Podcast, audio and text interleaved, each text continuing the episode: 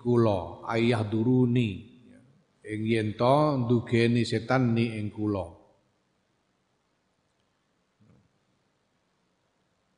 Kalau kamu ingin tahu bagaimana bahayanya setan, cukup kamu memahami satu firman Allah ketika Allah mengajarkan satu doa kepada kajian Nabi Muhammad SAW. Allah mengajarkan agar kanjeng Nabi mohon perlindungan kepada Allah dari godaan setan dan mohon perlindungan kepada Allah. Jangan sampai setan itu datang untuk e, mendekatinya.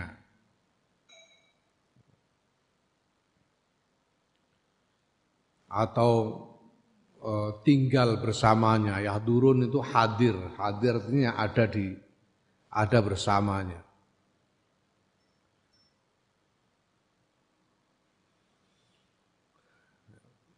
bahkan begitu bahaya setan sampai Allah perlu mengajarkan kepada kanjeng Muhammad SAW, nabinya, untuk berdoa mohon perlindungan dari setan.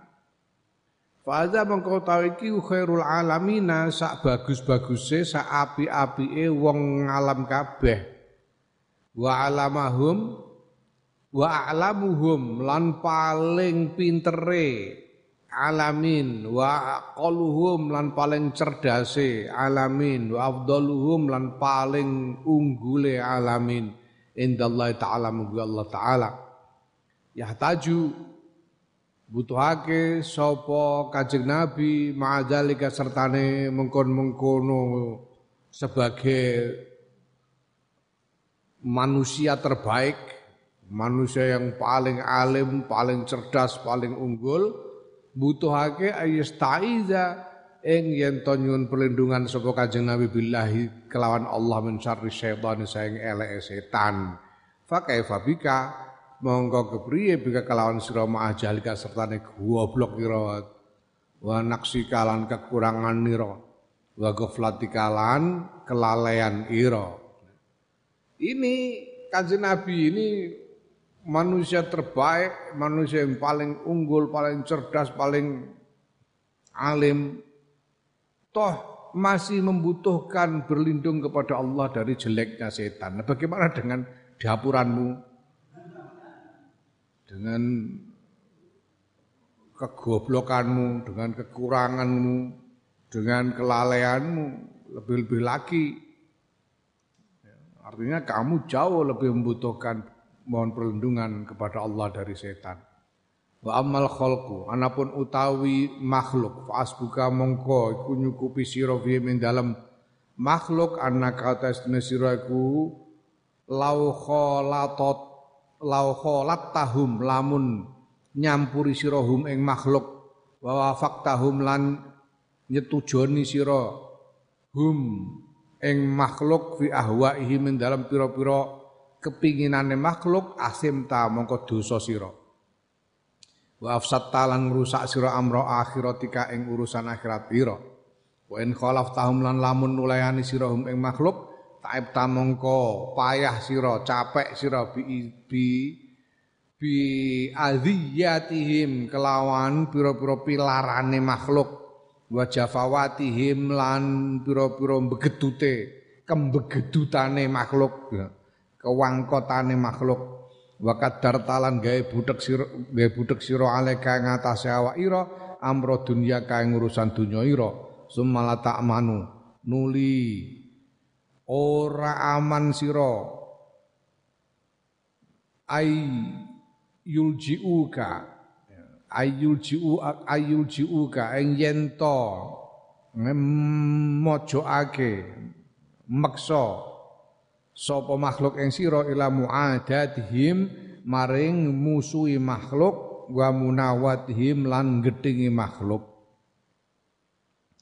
fataqo umangka tumiba sira fi syarhim dalam eleke makhluk ya.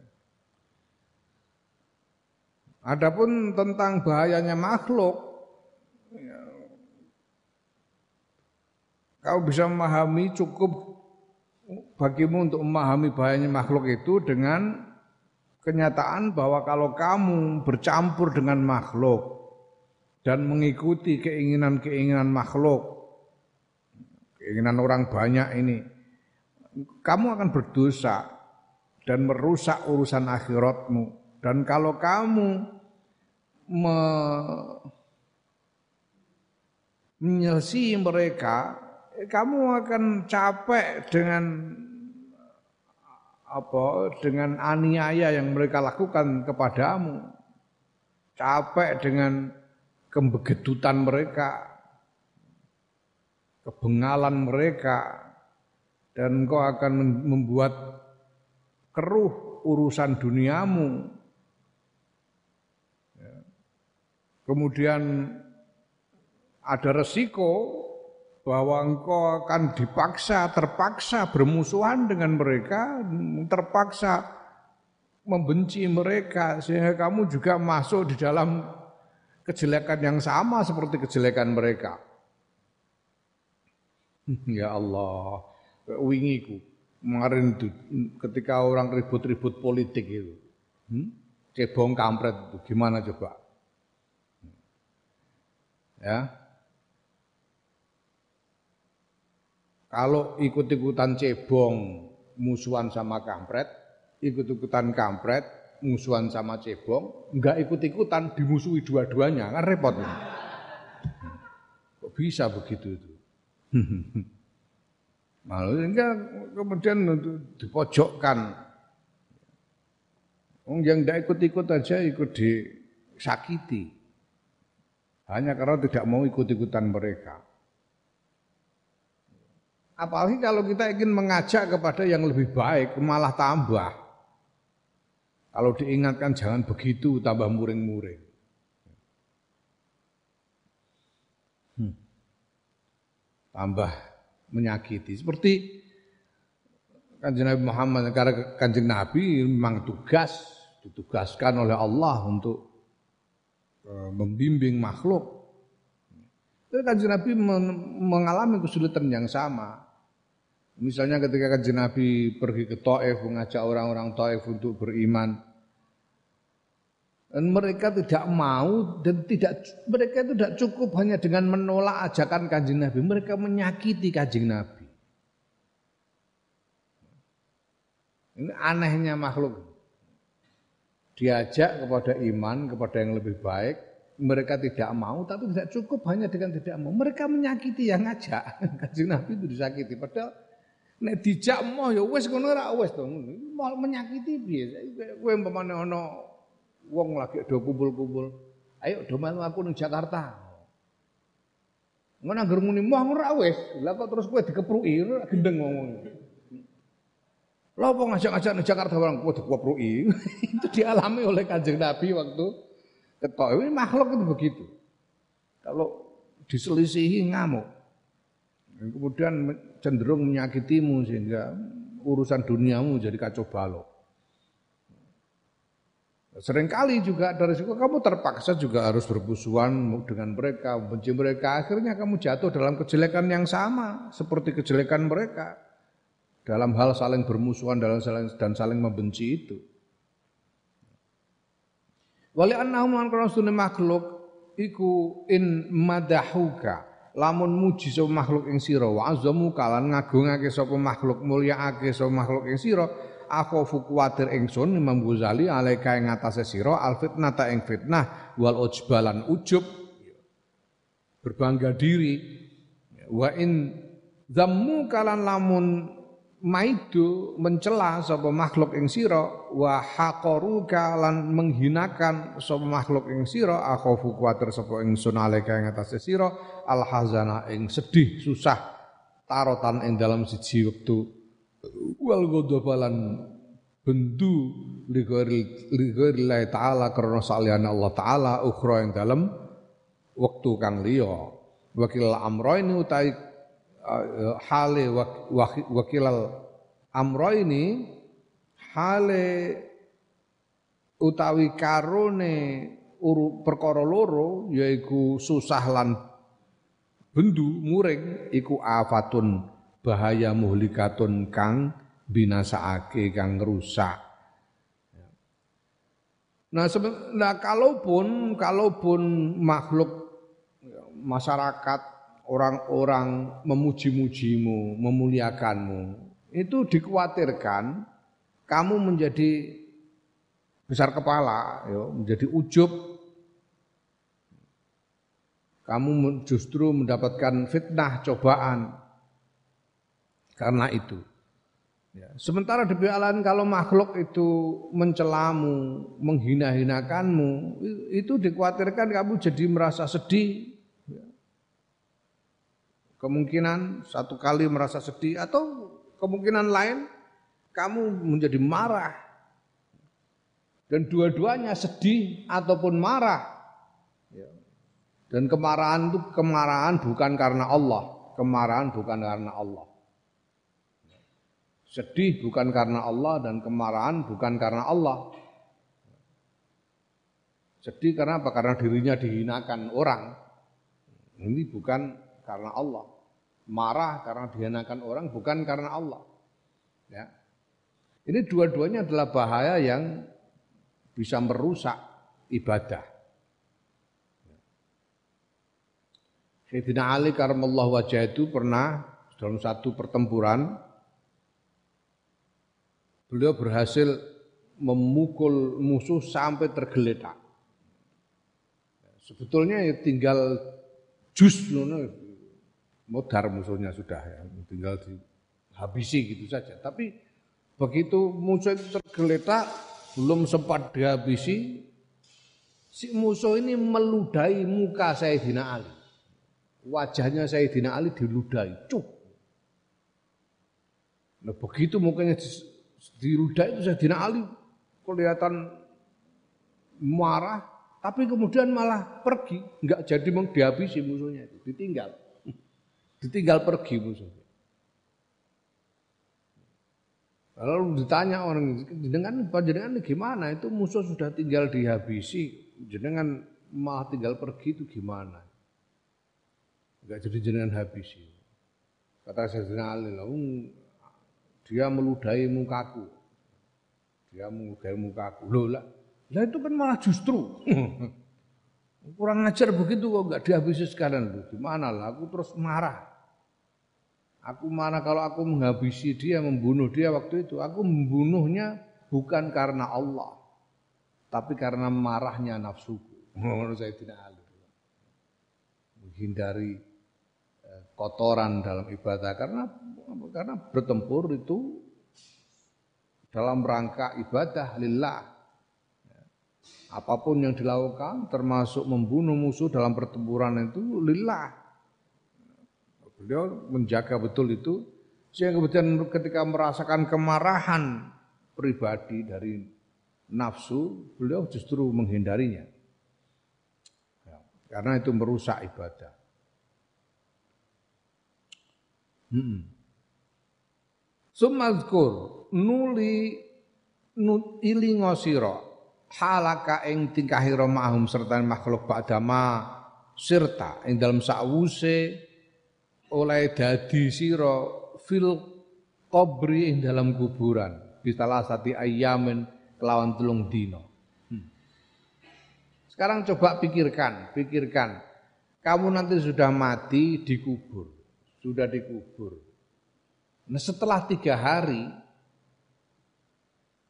ya, setelah tiga hari ini mungkin coro wong Persia, dalam masyarakat Persia.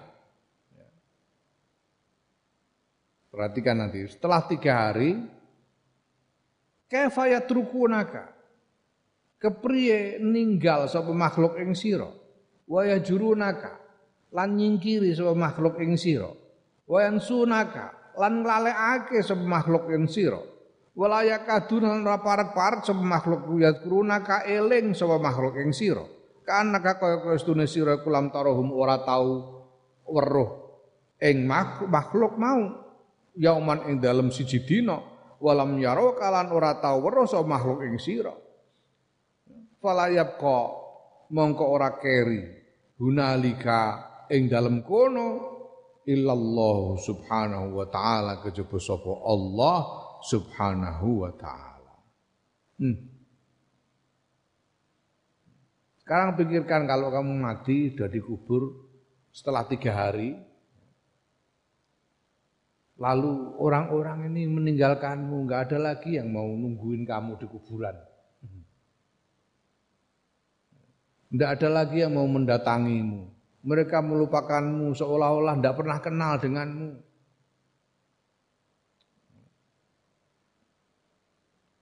Dan sehingga tidak ada lagi siapa pun yang ada bagimu pada saat itu selain Allah Subhanahu wa taala. Ning Jawa saya lumayan. Iku tahlili terus saben dina ngantek petang puluh dino eh, lumayan kan tahlili terus bancai engko satu dino ditahlili meneh setahun ditahlili saya apa sewu dino ditahlili lumayan ning Jawa ya. Mun beja-bejane mayit Jawa iku ning kono iku. mayit Jawa ditahlili terus mayit liyane Jawa iku rada ngenes. Insyaallah mayat ayat mayat mayat Arab dino iki ku walah wis ngenes-ngenes Ubur tinggal prung ora ana wong peduli. Semua orang melupakan seolah-olah kamu tidak pernah ada. Sehingga tidak ada lagi siapa pun bagimu saat itu selain Allah. Nah, afala yakunu mongko ana to ora ana iku minal ghabnil azimi setengah saking kerugian kang gede apa an tudia yen to ngilangake sira nyiak-nyiakake sira ayyamaka ing pira-pira dina ira maha ulail khalqi sertane mengkrono diapuran makhluk ma'akillatil wafai sertane sidike uh, pemenuhane makhluk terhadap kebutuhanmu. Wafa itu memenuhi kebutuhan. Wakil latil baqa'i lan e langgeng mahum sertane makhluk. Wa tatruka lan yen ninggal sira Allah taala ing ladeni Allah taala alladzi yarji'u ilahi kang bali ilahi mari Allah wal amru urusan wahdau hale ijene Allah wala yabqalan ora keri laka kedue sira illa huwa kejaba sapa Allah abadal abdina ing dalam selawas-lawase. Wal hajatu halu tawi hajat kulluha yus kabehane hajat iku ilaihi maring Allah wetuklan wetuklanu lan uh, uh, pengandalan lan tawakal tawakal itu mengandalkan Allah tuklan lan tawakal kulluhu yaskabene tawakal ku alaihi ngatasi Allah. Wal iktisamu lan pangreksa pemeliharaan kulluhu yaskabene iktisam fi kulli halin ing dalam saben-saben tingkah wa inda kulli syiddatin lan dalam saben-saben uh, kangelan wa haulin lan kesusahan iku bihi kelawan Allah wahdahu hale ijane Allah la syarika ora ana sekutu iku maujud lahu kedue Allah hmm? Apa enggak rugi kamu itu loh? Buang-buang waktu, membuang-buang waktu untuk ngurusi makhluk. Yang makhluk itu hanya sedikit kemampuannya dalam memenuhi kebutuhan-kebutuhanmu. Coba dari sekian banyak kebutuhanmu, ada berapa persen dari kebutuhanmu yang bisa dipenuhi oleh makhluk? Sedikit sekali yang bisa dipenuhi oleh makhluk. Dan kamu juga tidak tinggal-tinggal lama bersama mereka, tidak lama. bakal mati. Nek ora kowe mati sik ya wong liya sing mati dhisik. Tidak lama kamu tinggal bersama mereka. Apa enggak rugi terus kamu ngurusi mereka sambil meninggalkan khidmah kepada Allah. Sedangkan segala urusan itu kembalinya kepada Allah. segala eh, apa kebutuhan itu eh, apa namanya yang bisa memenuhi adalah Allah. Hanya Allah yang bisa kita andalkan, hanya Allah yang bisa melihara kita dalam segala keadaan, segala kesulitan. Tidak ada yang lain selain Allah. Fata amal mongko angen-angen sira ya miskinu he wong miskin wong sing saake. Wahai orang yang memelas miskin. La'allaka menawa-menawa sira iku tursadu den paringi pituduh sira. Insyaallah menursake sapa Allah taala Allah taala. Wallahu halu Allah waliyul hidayah tidak kang wasani pituduh bi fadlihi kelawan kautamaane Allah pikirkan ini coba. Wa nafsu anapun ta nafsu fasbuka mongko iku nyukupi sira mau barang tusahidu kang nyekseni sira hu ing ma min min halatiha saing pira-pira tingkah nafsu waroda ati iradatiha. Lan asore kekarpane nafsu wasu ikhtiyariha lan eleke pilihane nafsu. Fahya mengutai nafsu kali sahwati yang dalam tingkai kepingin niku bahimatun kaya ternak. Ternak. Nafsu itu kalau sedang kepingin apa-apa itu kelakuannya seperti ternak, hewan ternak. Ternak itu ya gimana ya? Mogok, mogok, ngamuk. Wa fi halil ghadabi lan ing dalam tingkah muring-muring iku sabuun seperti binatang buas ketika sedang marah nafsu itu seperti binatang buas. Wa fi halil musibati lan yang dalam tingkai kena musibah, kena bencana, taroha ningali siroha ing nafsu tiflan ing kaya bocah cilik, bocah kaya bocah sogiron kang cilik. Kalau sedang kena musibah seperti anak kecil, geru-geru kosel-kosel. Wa fi halin nikmati lan dalam tingkai nikmat taroha. weruh sira ing nafsu fir'aunan ing kaya fir'aun kalau sedang dapat enak seperti fir'aun menang-menangan medit wa fi hal ju'i lan dalam tingkae ngelih taroha weruh sira ing nafsu majnunan ing gendeng kaya wong kejinan nafsu itu karo sedang lapar jadi gila wa fi halis lan dalam tingkae waret taroha ningali sira ing nafsu muhtalan ing eh, angkuh sombong. Kalau sedang kenyang dia menjadi sombong. Wa in asba'taha lan lamun gawe warak sira ha ing nafsu bator mongko lacut sapa apa nafsu wa marohat lan lan apa ngelunjak ngelunjak ngerti ngelunjak itu ngelunjak itu seneng lalu apa namanya lalu sok penting ngelunjak itu. Kegembiraan yang melampaui batas sehingga membuat dia merasa lebih dari yang lain. Wa in jawata lan lamun gawe ngelih sira ing nafsu sohat mengko bengok-bengok apa nafsu wa jazaat lan mengeluh lan gresula apa nafsu. Dan kalau kamu bikin lapar nafsu itu dia teriak-teriak dan mengeluh. Fahia mengko ta nafsi ku kama qala barang kang ngendikake sapa alqailu wong kang ngendika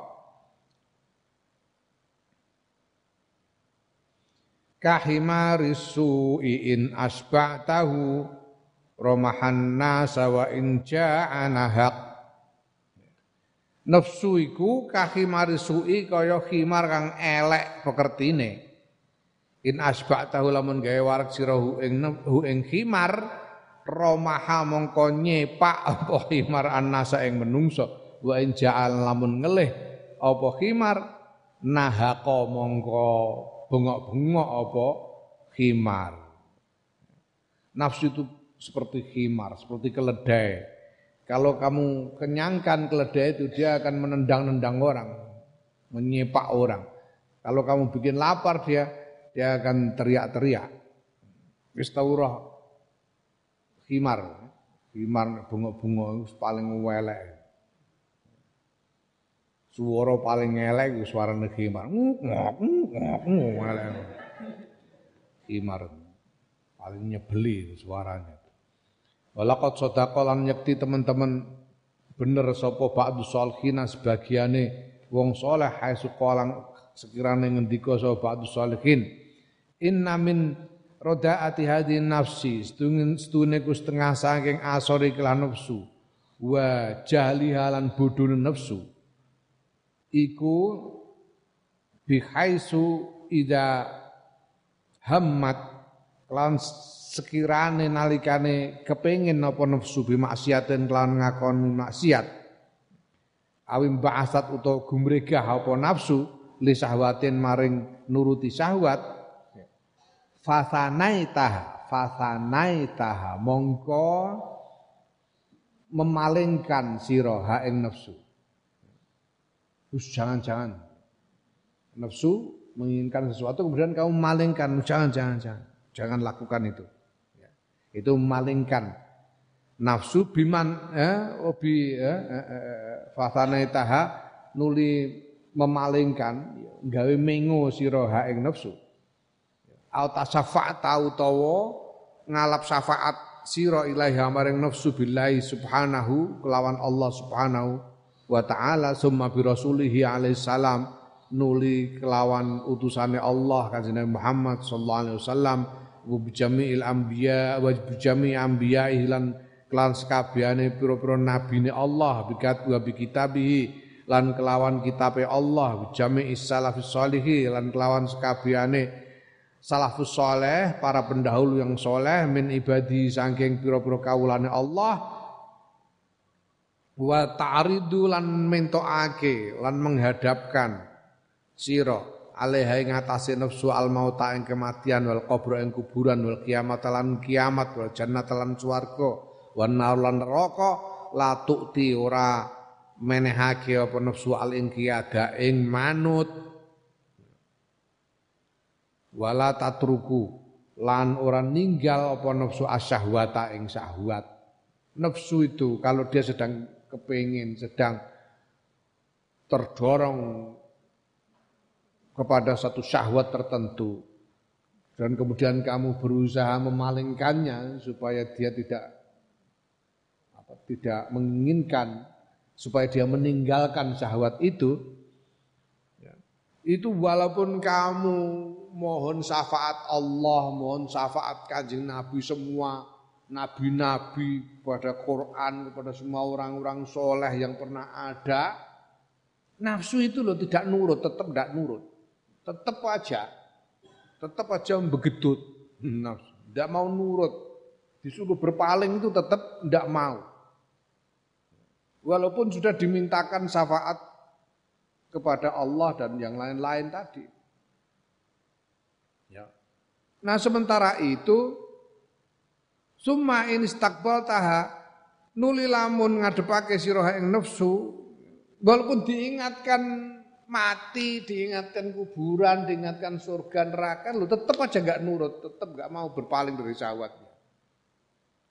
Tapi summa in istakbata nuli lamun ngadepake sira ing nafsu biman irahifin kelawan nyegah mangan roti ya taskun mongko meneng apa nafsu wa tatruk lan ninggal apa nafsu syahwata ing syahwate nafsu tapi kalau kamu ancam untuk tidak makan roti, diancam tidak makan, dia itu malah ini jadi diam lalu nurut. Ya. Kamu tidak mau makan gitu, itu nafsunya jadi diam dan meninggalkan sahwatnya. Hmm. Ya. Ini anehnya nafsu itu. Coba, coba nafsu nek lagi kepengen apa-apa, mbok weden-wedeni apa gak wedi. Nafsumu itu, nafsumu itu kalau sedang menginginkan sesuatu, kamu takut-takuti apa saja enggak. Kamu iming-imingi pahala enggak enggak mau apa berpaling. Kamu takut-takuti enggak mau berpaling, enggak bisa dipalingkan. Tapi kalau kamu terus puasa, malah diam dia. Malah enggak jadi kepingin. Itu nafsu. Yang ngene kulit tak lama supaya ngerti sira, hissataha ing asore nafsu wa jalhalan bodhone nafsu. Begitu itu supaya kamu tahu betapa rendahnya dan bodohnya nafsu itu. Fa iya kamu kewedya sira ayyuhar rajulu wong antag fala ing yen to uh, lali sira nglalekake sira anha saing nafsu. Maka jangan sampai kamu melalaikan nafsu itu. Fa inna mongko nafsu kama qala kaya oleh dawuh sapa khaliquha penciptane nafsu al alimu kang mudane nibiha kelawan nafsu jalla jalaluhu hale moho agung apa jalaluhu keagungane khaliq piye dawe khaliq al khaliq yaiku Allah subhanahu wa taala. Innan nafsala ammaratum bisu. Sedune nafsu iku la ammaratun yakti iku tukang merintah bisui kelawan elek. Allah sendiri telah berfirman bahwa nafsu itu memang suka nyuruh-nyuruh, sukanya nyuruh-nyuruh yang jelek. Fakafa mongko cukup biasa apa iki apane tambihan peringatane liman kedue wong aqala kang mikir sapa man walaqad balagona lan yakti teman-teman wis tumek nekani ing ingsun Imam Ghazali an ba'di salihin sing sebagiane wong soleh yuqalu lahu kang den ngendikaake lalu bareng wong soleh ya sapa Ahmad dunub Ahmad bin Arqam al-Balakhi Wong soleh ini ada seorang soleh namanya Ahmad bin Arqam al-Balakhi. Mungkin ini dari dari daerah yang namanya daerah Balkh. Daerah Balkh itu di sekitar Bukhara situ Balkh. Rahimahullah. Anhu sangking Ahmad bin Arqam annahu apa setuhune Ahmad bin Arqam kala ngendika sapa Ahmad bin Arqam ngendikane nazaatni nazaatni maksa ya. Ngoyok ni ing ingsun apa nafsi nafsu ingsun. Bil khuruji kelawan metu ilal ghazwi maring peperangan. Fakultu mongko ngucap ingsun subhanallah maha suci Allah. Innallah astune Gusti Allah ku yaqulu dawa sapa Allah innan nafsa la ammaratum bisu wa utawi ikilah nafsuku iku tak muruni merintah apa hadi ing ingsun bil khairi lan kebagusan.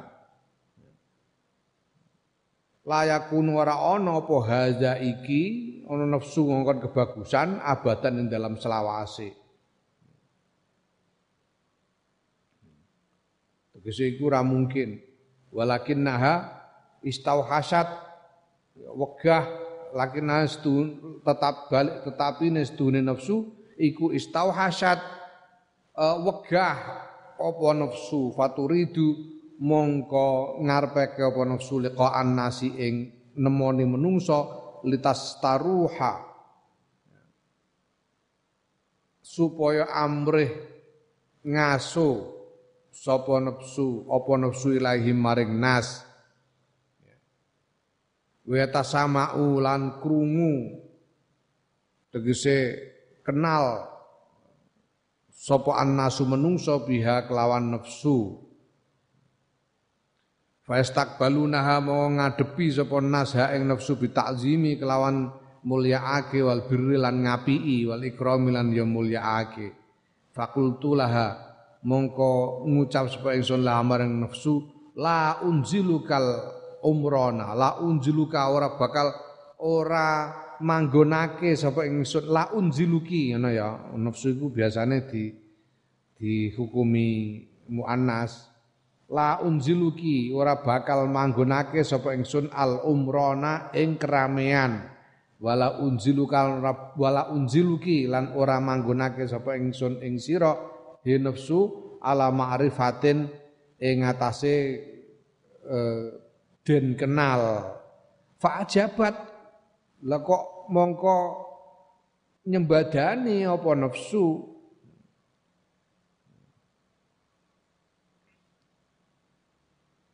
Ya fa asatu mongko ngelekake ingsun gawe elek ingsun azzonna ing penyono biha kelawan nafsu.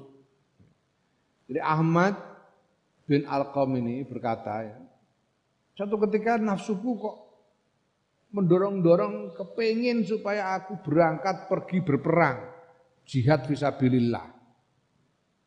Mendorongku untuk berperang jihad visabilillah.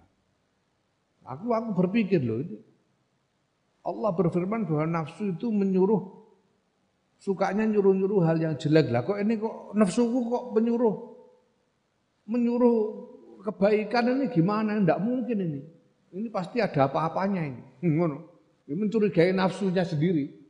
Nafsunya ini mengajak untuk berangkat e, berperang jihad fisabilillah. Ya, dia berpikir curiga malahan Ahmad bin Arqam ini gimana nafsu gini? Ngajak baik ini ada apa-apanya ini.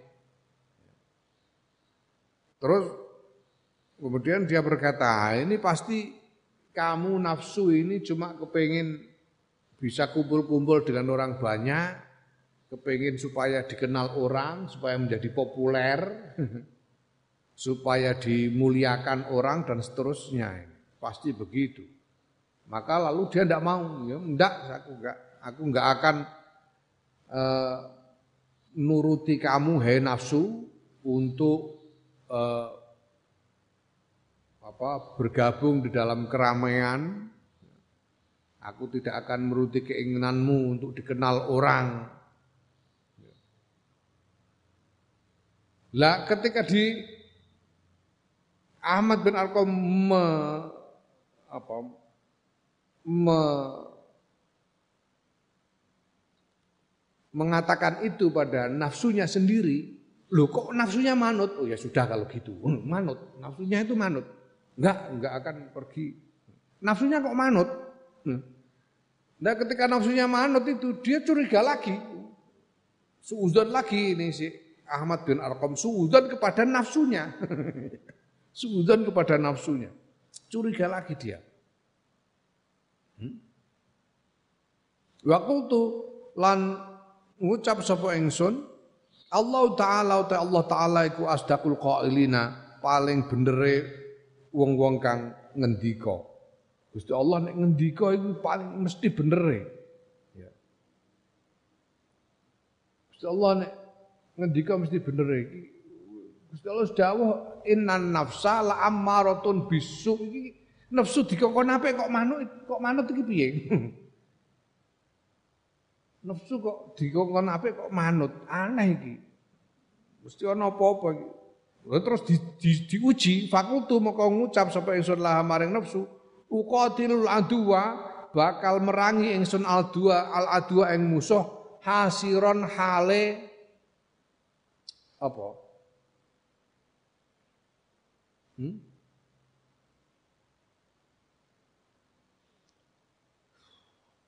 apa istilahnya Hale tanpa tameng. Tanpa nganggo tameng. Dulu itu biasanya orang kalau berperang itu pakai baju zirah, pakai tameng sebagainya. Baju zirah tahu? Baju besi itu, baju besi untuk berperang, helm besi untuk sebagai pelindung. Nah, hasiron ini artinya tanpa memakai eh, pakaian pelindung itu hasiron hale orang nganggo pelindung itu hasirat. Memerangi musuh tanpa memakai pakaian pelindung.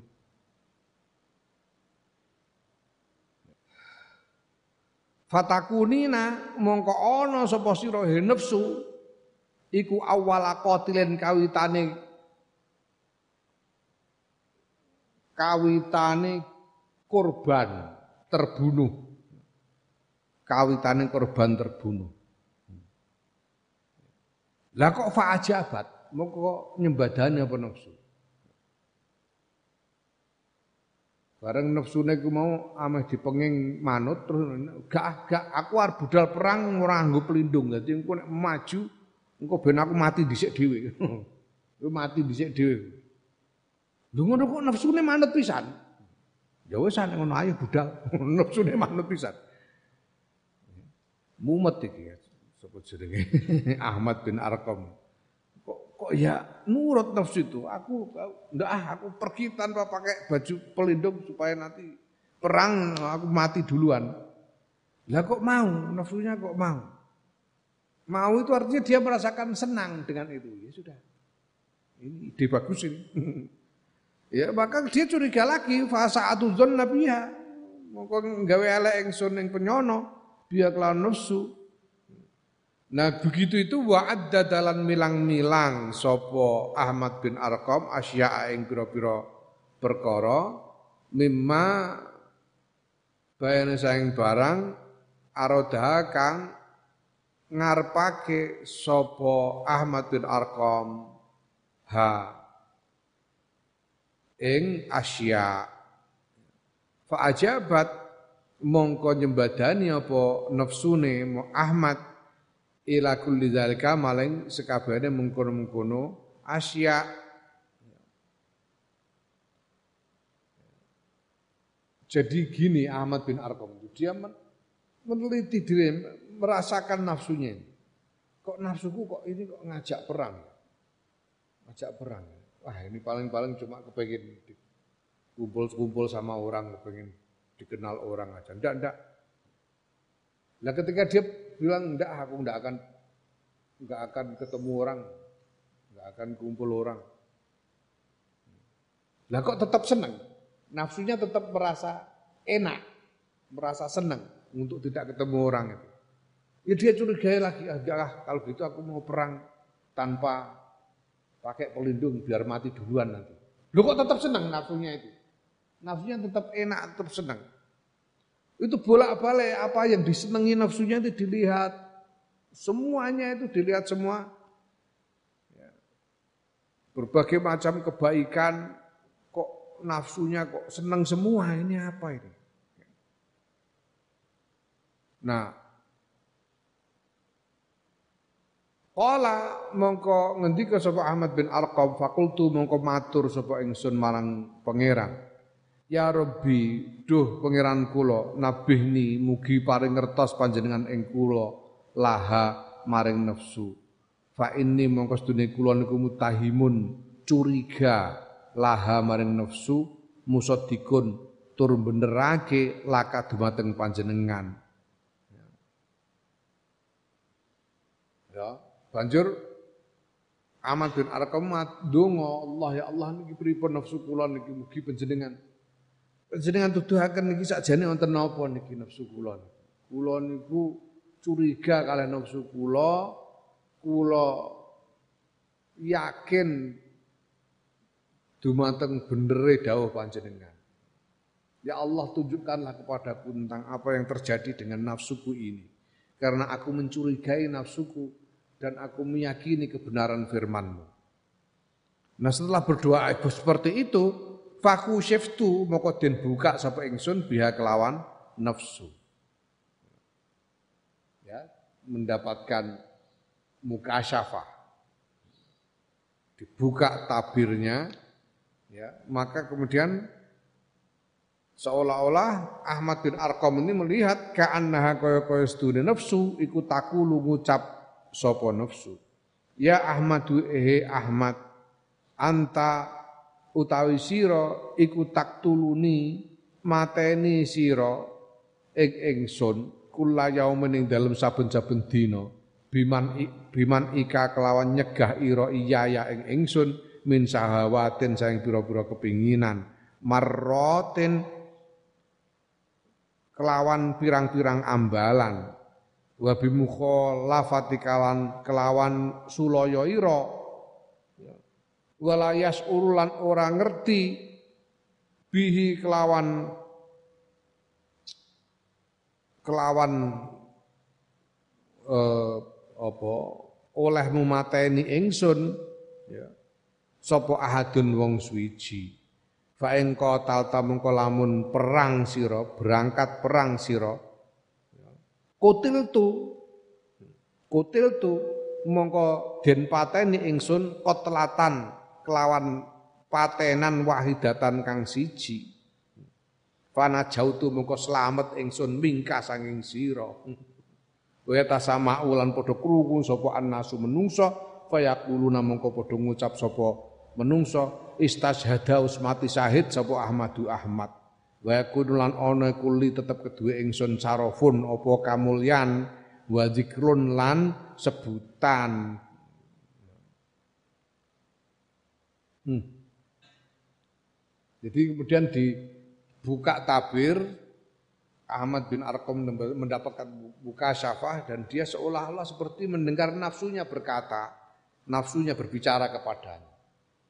Apa kata nafsunya itu? Wahai he Ahmad, kamu itu selama ini kamu membunuhku dengan membunuhku berkali-kali. Selama ini kamu membunuhku berkali-kali dengan cara mencegahku dari mendapatkan keinginan-keinginan. Kamu membunuhku berkali-kali dengan cara menentangku dalam berbagai hal. Nah, kalau kamu pergi berperang lalu mati, itu aku berarti aku cuma mati sekali sudah selesai. Nah, aku selamat dari penyiksaanmu atas diriku dari nafsunya. Nafsunya itu seumur hidup merasa diseksa oleh Ahmad ini karena selalu dihalang-halangi keinginannya dan ditentang. Aku selamat darimu malah nanti orang akan eh, apa aku jadi populer dikenang orang sebagai sebagai orang yang mati syahid. Dimuliakan namaku. Nafsunya itu seperti itu. Ya, ya Allah. Kala ngendika sapa Ahmad bin Arqam, faqa'attu mongko lungguh sapa ingsun walam akhruj lan ora metu sapa ingsun ilal ghazwi maring peperangan fi dalikal ami ing dalam mengkono-mengkono tahun. Dan Ahmad memutuskan ya sudah aku diam aja nggak pergi, nggak berangkat perang dalam tahun itu. Ini nafsu, insya Allah. Insya Allah, nafsu. Hmm. Ini buat kalian, santri-santri ini penting diingat itu. Aku itu anakku dua orang kutitipkan di kajen dan kuikutkan madrasah matolek di kajen itu itu pada waktu daftar disuruh membaca pernyataan saya nama Muhammad Nihrir Yahya Fattah Ahmad Fatlak Yahya Fattah dengan ini menyatakan bahwa saya belajar di madrasah Matolul Falah ini dengan niat semata-mata untuk mendapatkan ridho Allah. Ono pernyataan ngono. Ono pernyataan. Aku terus takok tanya sama Kiai Muat. Niki kok Matoh ngoten, matolek ini hebat sekali ini ada pernyataan begini untuk santri yang daftar. Kata Kiai Muad itu yang nyuruh Mbah Sahal, Mbah Sahal yang nyuruh. Dasarnya dasarnya dari dari kitabnya Imam Ghazali juga Bidayatul Hidayah itu. Dikatakan bahwa kalau ada orang mencari ilmu dengan tujuan selain mendapatkan ridho Allah, itu haram. Ya. Dosa. Golek ilmu kok tujuane selain. Apa wae tujuanmu apa wae selain ridho Allah. Dosa. Ngajimu dosa. Ngaji itu dosa. Kepengen apa? Kowe golek ilmu supaya sampean iso dadi kiai gede untuk salaman templek akeh misalnya ngono. Dosa ngajimu. Ngajimu dosa. Ngaji supaya golek ilmu supaya dapat ijazah lalu bisa dapat kerjaan dosa. golek ilmu supaya ketemu jodoh misalnya empat dosa dosa pokoknya semua tujuan selain ridho Allah itu dosa nah di pihak lain kalau ada guru tahu bahwa muridnya itu belajar dengan tujuan selain ridha Allah kok masih mau ngajar gurunya dosa itu karo gurunya juga dosa Makanya Basal itu nyuruh bikin pernyataan itu untuk melepaskan tanggungan guru-gurunya. Sudah bikin pernyataan, guru-gurunya nggak ada tanggungan lagi. Atas niatnya eh, murid ini. Karena ini godaan yang memang akan datang kepadamu bolak-balik dalam berbagai macam. Bolak-balik dalam berbagai macam. Apalagi kalau Gus, nek kue anak kiai Gus, wah, aku nek ora iso ngaji isin. Wah, dosa ngajine tak nih. ya. Jadi tolabul ilmi itu tidak boleh punya tujuan lain selain ridho Allah. Masya Allah. Masya Allah. Masya Allah.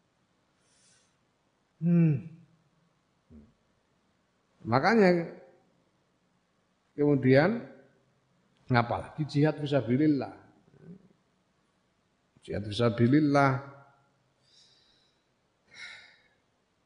kok sampai tujuannya itu? Selain ridho Allah ya ya buyar udah. Biar makanya tidak mau. Lalu tidak mau pergi berperang. Fadur mongko nyawang osiro ila khida'in nafsi maring piro-piro tipu dayane nafsu wa gururiha lan lamise nafsu.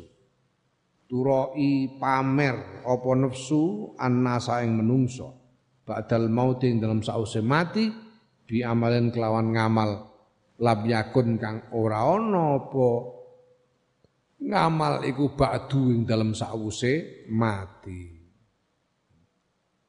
Bahkan ya Allah. Bisa nafsu itu. Wah, aku nanti kalau mati kalau aku melakukan jasa yang besar nanti kalau aku mati akan meninggalkan nama. Orang akan mengenangku sebagai pahlawan. Lu riak, wis mati kok bisa riak. Gedengin nafsu itu loh. Padahal kalau sudah mati itu mau apa? Kok masih masih pengen riak sesudah mati itu loh. Kan gendeng nafsu. Seperti itu bahayanya nafsu. Masya Allah. Hmm. Walakot sodakolan yang teman-teman bener sapa alqailu wong kang ngendika ahsana lan bagusake sapa qail fi dalam barang kala kang ngendika sapa.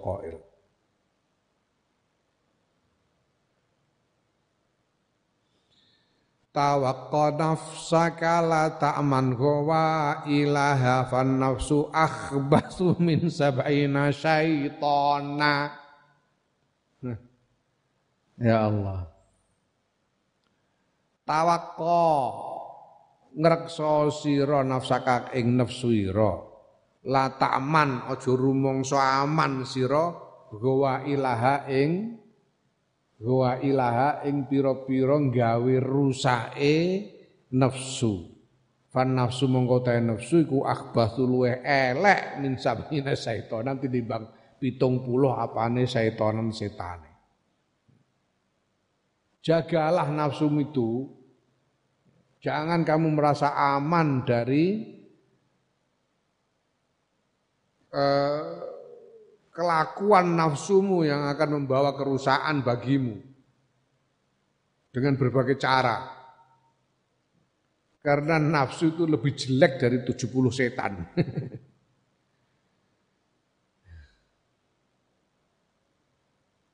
Mulane kan pergaweane setan gampang mergo nafsu iku. Fatanabah mongko elinga sira rahimaka muga-muga melasi ing sira sapa Allah. Gusti Allah lihadil khadda'ati mare ikilah tukang nipu. Al ammarati kang tukang ngongkon tu bisu iklawan elek. Watin lan netepono sira. Netepake sira ala mukhalafatiha ing atase nulayani nafsu qalbaka ing ati halin kelawan saben-saben tingkah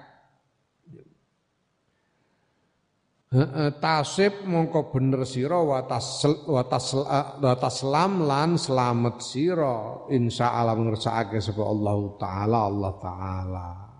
Ya, maka ingatlah engkau semoga Allah merahmatimu.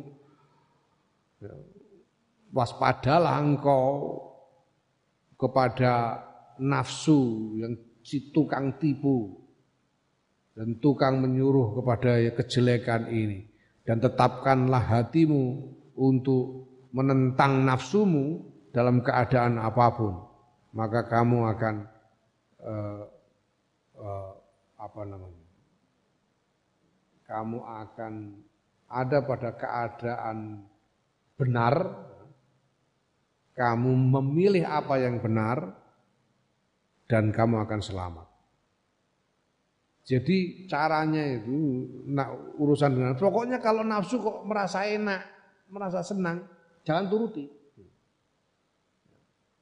Kalau tidur kok kayaknya enak tidur, jangan tidur. Kayaknya kok jalan-jalan kok enak, eh jangan keluar. Pokoknya apa yang nafsunya merasa ingin, merasa enak, jangan turuti. Itu. Hmm. Itu insya Allah akan selamat. Summa alaika nuli wajib ngentasi sira bil jamiha kelawan ngendalin nafsu bil jami takwa kelawan kendalin takwa. La khilata ora ana reka iku maujud lah maring nafsu siwahu sakliyane takwa. Kendalikan dengan takwa karena enggak ada cara lain untuk mengendalikan nafsu selain dengan takwa.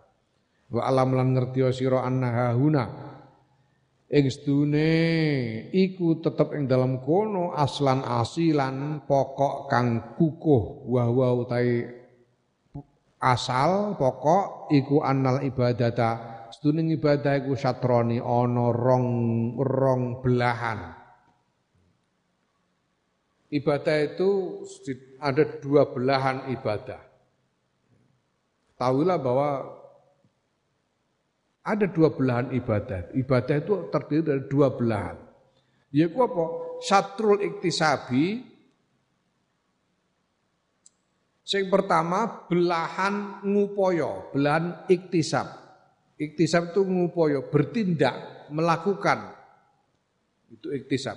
Wasatrul istinabi lan belahan nginggati, menghindari. Ya namanya ibadah itu ada dua sisi. Ibadah itu punya dua sisi. Ada sisi bertindak dan sisi menghindari. Kalau menghindari artinya ya tidak melakukan. Sisi melakukan dan sisi tidak melakukan. Itu ibadah itu. Ya. Nafal iktisabu mongko utawi iktisab iku fi'lut ta'ati nglakoni taat ngibadah taat. Wal istinabu tawi istinab inggati iku al imtina'u kecegah anil ma'asi saking pira-pira maksiat wa sayyiati lan pira-pira perkara kang elek. Ya wa huwa utawi istinab iku at-taqwa taqwa Belahan iktisab itu artinya ya tindakan melakukan ibadah taat, sholat, wiridan, sedekah itu iktisab. Nah, kalau ijtinab itu yang menghindarkan diri dari perbuatan maksiat dan perbuatan yang jelek. Nah, maka istinab ini yang disebut takwa. Takwa itu adalah sisi ijtinab dari ibadah. Wa anna istinab lan sedune uh, sisi istinab ala kulli halin yang dalam sekabehane tingkah iku aslam selamat wa aslahu lan patut wa afdhal lan luweh utama wa asrafu lan luweh mulya lil abdi kedue kawula min satril iktisabi tinimbang sisi iktisab Ya, ketahuilah bahwa sisi istinab itu dalam keadaan apa pun lebih selamat, lebih baik, lebih mulia bagi bagi seorang hamba daripada sisi iktisab. Ya. Walidali kalan krono mengkono mazkur bahwa istinab lebih utama daripada iktisab yastagilu. Ketungkul sopo al mubtadiuna para pemula min ahli ibadah disayang ahli ibadah alladzina hum yaiku wong-wong hum kang utai alladzina iku fi awali darujatin ing dalem kawitane tingkatan minal istihadi sayang perjuangan perjuangan ibadah ketungkul bisa teril iktisabi kelawan sisi iktisab ya, maka biasanya para pemula di dalam ibadah itu yang tingkatannya masih tingkat awal, itu mereka biasanya menyibukkan diri dengan iktisab, dengan sisi iktisab ini. Kullu himmatihi cita-citane muktadiun iku ayasumu. Ayasumu yen to padha poso sapa muktadiun naharahum ing rinane mubtadiun wa yaqumu lan padha salat sapa mubtadiun lailahum ing dalem wengine wengine e, mutadiun ya. Wa lan padane mengkono-mengkono poso lan salat cita-cita cita-cita dari para pemula dalam ibadah itu adalah pokoknya puas. Setiap siang hari puasa malam hari sholat itu cita-citanya. Dan hal-hal semacam itu ya sedekah dan lain sebagainya. Nah sementara itu wastahilu hale ketungkul sapa al muntahuna wong-wong kang pol. Orang-orang yang sudah tingkat tinggi ul basairi yaiku wong kang anduweni kewaspadaan mi ahli ibadah disayang ahli ibadah bisa istinabi kelawan sisi istinab adapun ahli ibadah yang tingkatnya sudah pol sudah mentok artinya sudah tingkat tertinggi itu mereka eh, apa namanya menyibukkan diri dengan sisi istinab bukan bukan iktisab tapi istinab yang dipentingkan. Itu ibadah itu kalau masih iktisab ya berarti kelas rendah. Hmm. kalau sudah kelas tinggi istinab yang penting. Yang dipentingkan.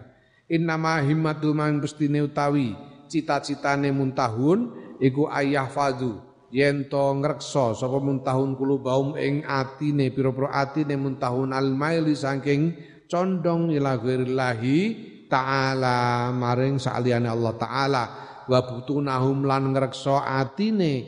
Eh, apa jenenge? Wetenge pira-pira wetenge muntahin. Anil fudul saking pira-pira luwihan. Wa alsinatahum lan ngreksa eh, eh, pira-pira lisane. Eh, muntahin anil lagwi saing omong kosong. Wa ayunahum lan mripate muntahin anil nazri saing nyawang ilama maring barang layak nihim kang ora manfaati apa maing muntahin anil nazari saking penyawang ya. Nah. Ya. Cita-cita dari orang ahli ibadah yang sudah tingkat tinggi itu adalah men menjaga hatinya supaya tidak condong kepada selain Allah. Menjaga perutnya supaya tidak kemasukan lebihan ya, hal yang lebih dari apa yang dia butuhkan. Menjaga lisannya dari omong kosong, dari ucapan yang tidak berguna, yang tidak berarti. Menjaga matanya dari melihat hal yang tidak bermanfaat bagi dirinya. Walihadal makna krono ikilah makna Kala ngedika sapa al abidus sani ahli ibadah kang kedua minal ibadi saing pira-pira eh, apa minal ubadi minal ubadi ya, ubad ibad minal ubadi saing pira-pira ahli ibadah. Wa kan lan ono sapa ubat iku sab'atun. Pitu li Yunus maring Nabi Yunus. Jadi ada riwayat Nabi Yunus ini bertemu dan belajar kepada tujuh orang ahli ibadah. Ada tujuh orang ahli ibadah yang menghabiskan waktunya, menghabiskan hidupnya untuk beribadah dan Nabi Yunus bertemu berguru kepada mereka. Ya. Ini ada ceritanya ini kisah yang panjang, masing-masing ahli ibadah mengajarkan satu pengetahuan kepada eh, Nabi Yunus. Nah, ada ahli ibadah yang kedua di antara tujuh orang ahli ibadah itu berkata kepada Nabi Yunus, Piye ngendikane? Ya Yunus we Yunus inna minan nasis tuniku setengah sayang menungso man wong hubbi bakang den gawe dem, den kang gawe demen ilahi maring eman apa as-shalawatu pira-pira?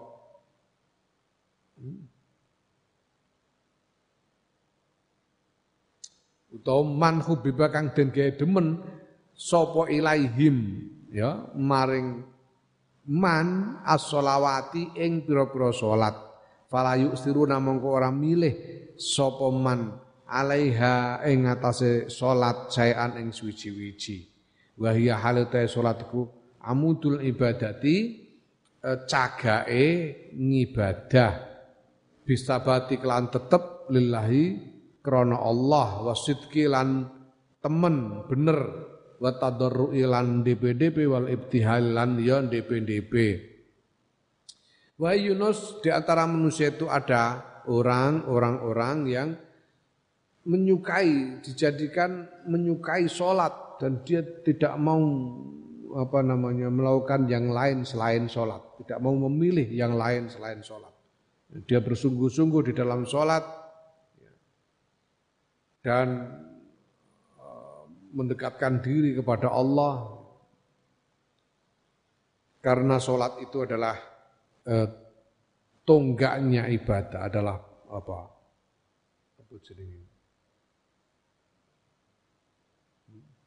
Cagak cagak ibadah cagak tiangnya ibadah. Nah sholat itu adalah tiangnya ibadah. Wa minhum lan setengah sayang nas man ut wong man wong hubbiba kang den gawe demen sapa ilahi maring man asoma ing poso. Fala yusiruna mongko ora milih sapa man alaihi ing atase poso saean ing suwi-wiji wa minhum lan setengah saking iku setengah saking nas man wong hubbiba kang den gawe demen sapa ilahi maring man as-sadaqata ing sedekah fala yusiruna mongko ora milih sapa man alaiha ing atase sedekah sayan ing siji-wiji ada orang yang dijadikan kesukaannya itu puasa dan dia tidak memilih selain puasa. Pokoknya puasa aja yang dia lakukan. Ya. Ada juga orang yang dijadikan senang kepada sodakoh dan dia tidak memilih selain sodakoh, mengkhususkan pada sodakoh saja. Ya, Ya Yunusu, he Yunus, wa ana hal uta ingsun iku mufassirun wong kang nerangake laka maring sira hadil hisal hadil hisala ing ikilah pira-pira tingkah. Faj'al mongko ndadekake sira he Yunus tula salatika ing ing apa lawase suwene salat ira asobro ing sabar al baksai ing atase piloro ya. Wa taslimi lan pasrah li amrillahi ya, maring perintah Allah azza wa jalla. Wa ja'al lan dadekno sira soma ka ing poso ira asumta ing meneng angkul lisuin saking saben-saben guneman elek.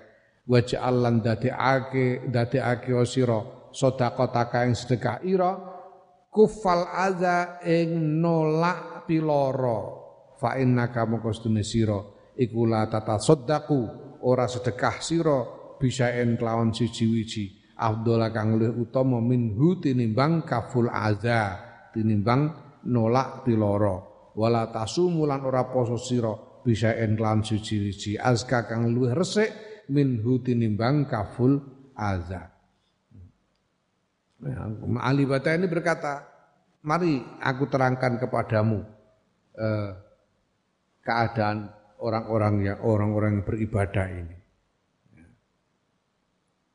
Jadi nasihatnya ahli ibadah ini, jadikanlah wahai Yunus puasa apa solatmu itu jadikanlah solatmu itu adalah kesabaran. Jadi sabar di dalam menerima hal yang tidak enak, segala hal yang tidak enak, dan sabar di dalam menyerah berserah diri kepada perintah Allah. Itu dijadikan solatnya. Solatnya itu apa? Solatnya itu bukan bukan hanya solat yang didahului dengan takbiratul ikhram diakhiri dengan salam itu saja. Tapi harus di dalamnya itu ada sabar untuk menerima segala hal yang tidak enak dan pasrah kepada perintah Allah. Jadikanlah puasamu itu diam, diam dari omongan yang jelek. Puasa tidak sekedar menahan lapar dan haus, tapi diam. Puasa mulut, diam dari ucapan yang jelek. Mulutnya yang puasa. Dan jadikan menghindarkan eh, apa? Menghindarkan bahaya atau eh, menghindarkan sesuatu yang bisa menyakiti orang itu sebagai sedekahmu. Jadi kalau kamu menghindarkan orang dari hal yang menyakitkan, itu sama dengan kamu sedekah. Ya seperti contohnya misalnya kamu kalau ada di jalan, ada sesuatu yang bisa mengganggu orang, kamu singkirkan. Itu namanya kaful azab. Menyingkirkan batu dari jalan supaya tidak mencelakakan orang. Itu kaful azab, itu sedekah. Jadikan itu sedekahmu. Karena tidak ada sedekah yang lebih utama dari itu dan tidak ada puasa yang lebih bersih daripada kaful azza itu. Nah kalau kita perhatikan di sini ini semuanya ini dimensi istinab semua, sabar istinab. Ya, menahan omongan istinab, menghindarkan eh, apa azza, menghindarkan celaka itu Semuanya dimensi istinab. Sisi istinab dari ibadah.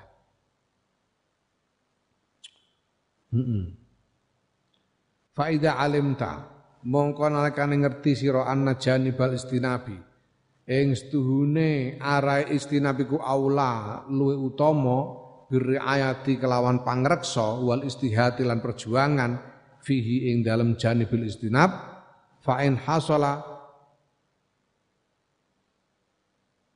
Lah ngene. Faidan ngono ae. Faidan mongko ing dalem nalika iku alim ta nuli ing dalem nalika iku alim ta ngerti sira anna janibal istinabi ing sedune sisi istinabi ku aulal utama bi riayati klan reksa wal istihati lan perjuangan fihi ing dalem janibul istinab Nah, fa'in hasala mengko lamun hasil laka kedu sira apa asyarat al asatroni dua dimensi, dua sisi mau jami'an halis kabehane yaiku al iktisabu iktisab wal istinab bulan istinab faqad istakmala. Mongko teman-teman sampurno opo amruka urusan ira?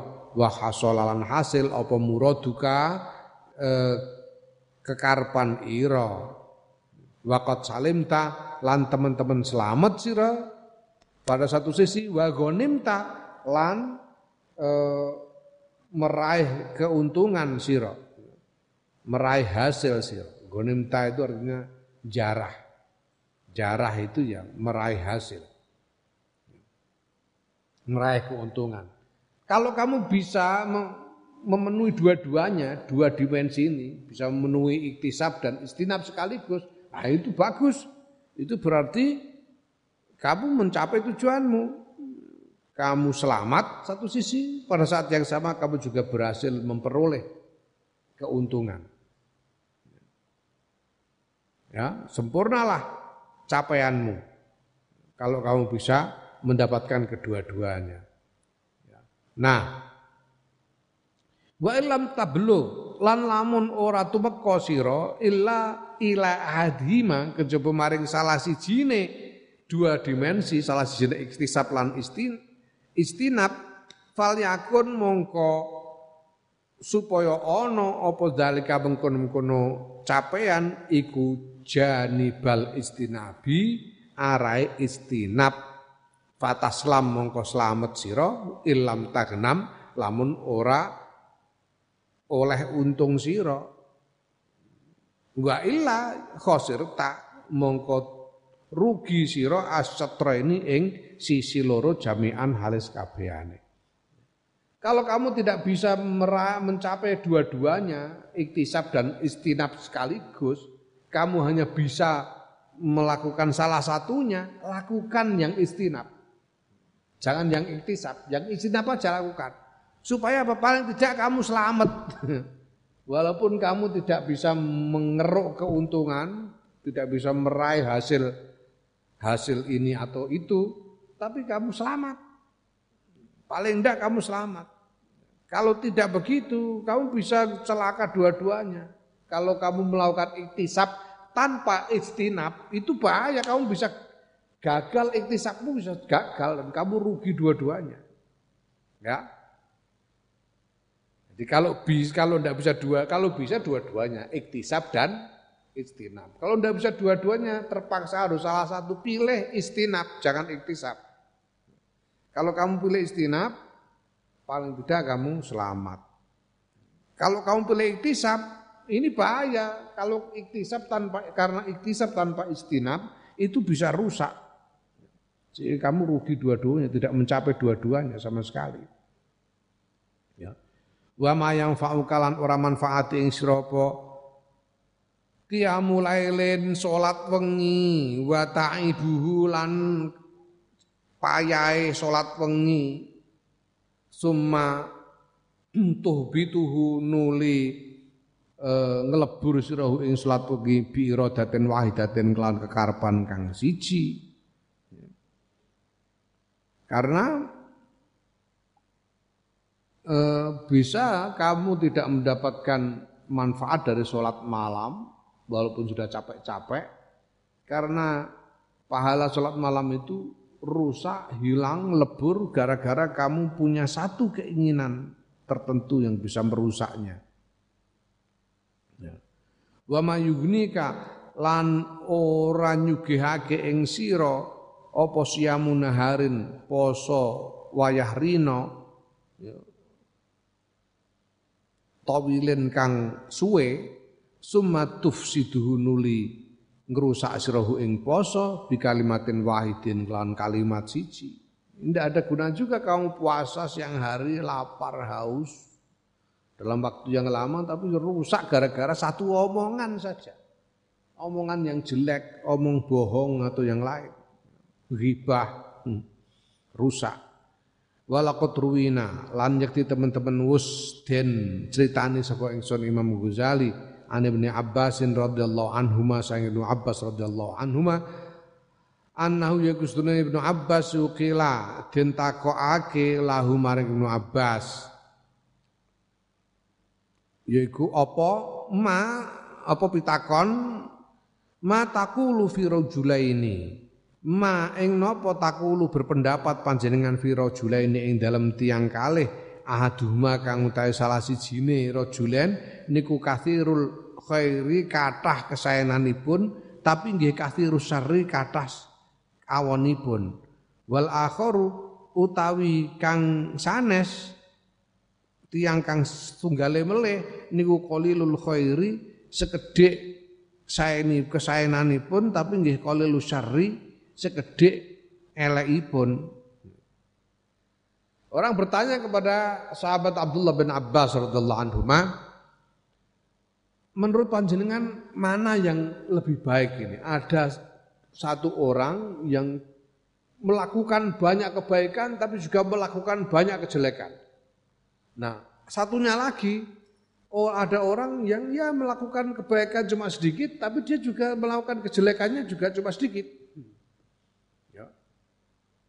Oh, melakukan kebaikan, salate gentur, apa jenenge posone, poso terus, wiridane ning dinding nyekel tasbih. Ya. Tapi korupsi pirang-pirang miliar. Ya. ya gendaan ya sembarang kalir gak karu-karuan iki karo wong sing ya ndak pernah apa-apa. Di salat yo arang-arang. Salat dangtek tapi yo ora arang-arang ngapusi wong, ya, wong trimo bakul cilok kae dadi arep ngapusi wong ya kesempatane ora ono. Jadi kebaikannya sedikit, kejelekannya mana yang lebih baik antara dua orang ini? Melakukan banyak kebaikan tapi pada saat yang sama juga melakukan banyak kejelekan yang satunya melakukan banyak sedikit kebaikan tapi juga melakukan hanya sedikit kejelekan. Mana yang lebih baik dari dua-duanya? Apa jawaban uh, Sayyidina Abdullah bin Abbas? Jawabnya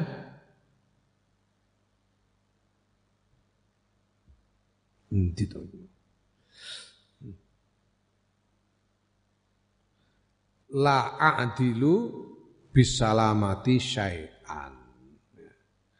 La a'dilu ora ora madhaake sapa ingsun bisalamati kelawan keselamatan syai'an ing suwiji-wiji. Jadi Artinya apa? Dua orang itu sama-sama tidak bisa dibilang selamat.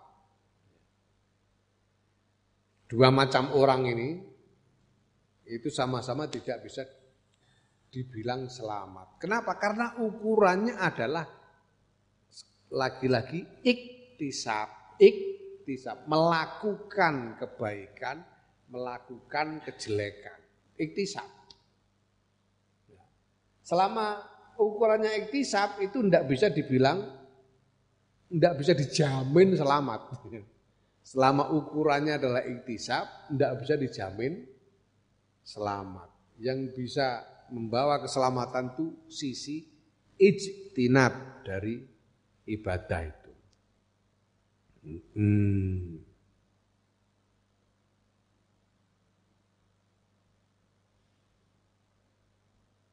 Mm-mm.